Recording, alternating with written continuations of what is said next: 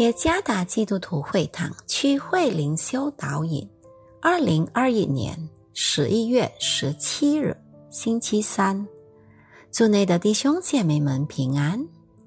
今天的灵修导引，我们将会借着圣经哥林多后书第八章第一到第三节来思想今天的主题：献上感恩祭。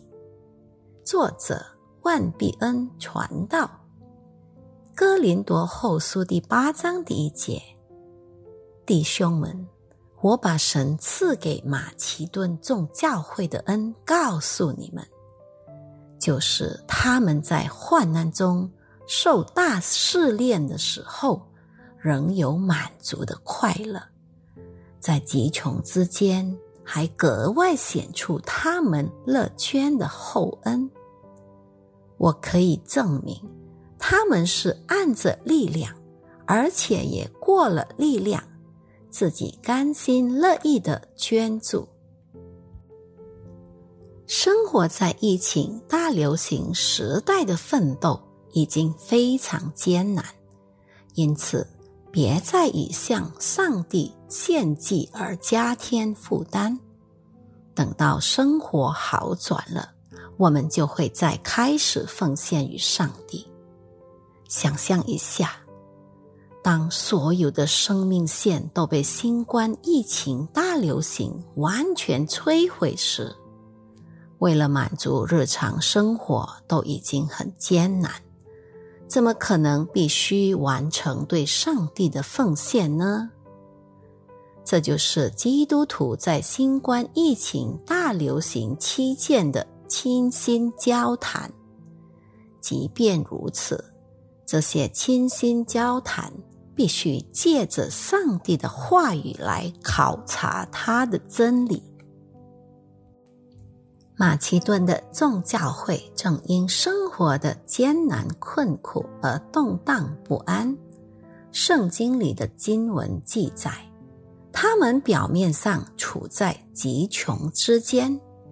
这意味着，为了满足日常生活的基本需求，他们必须好像我们现今的基督徒会众那样去奋斗。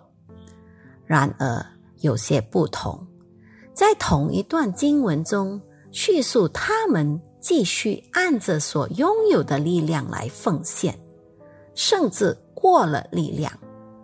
马其顿会众实在是不容易，要在生活的困难中实行这种奉献的生活方式。然而，这就是所谓的机遇，直到他们觉得已经从他们所拥有的东西中牺牲了一些东西。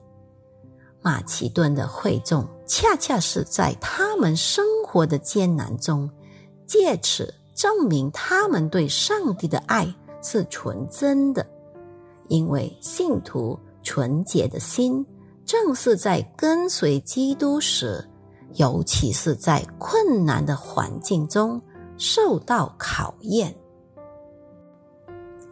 您是否曾思想过，在这个新冠疫情大流行的时代，艰难生活的争斗？正是让我们证明对上帝之纯洁爱的黄金机会。想象一下，当一切都顺利的时候，工作、生意、收入和日常需求都得到顺利的满足，我们通常会很容易的奉献，毕竟没有什么可以牺牲的。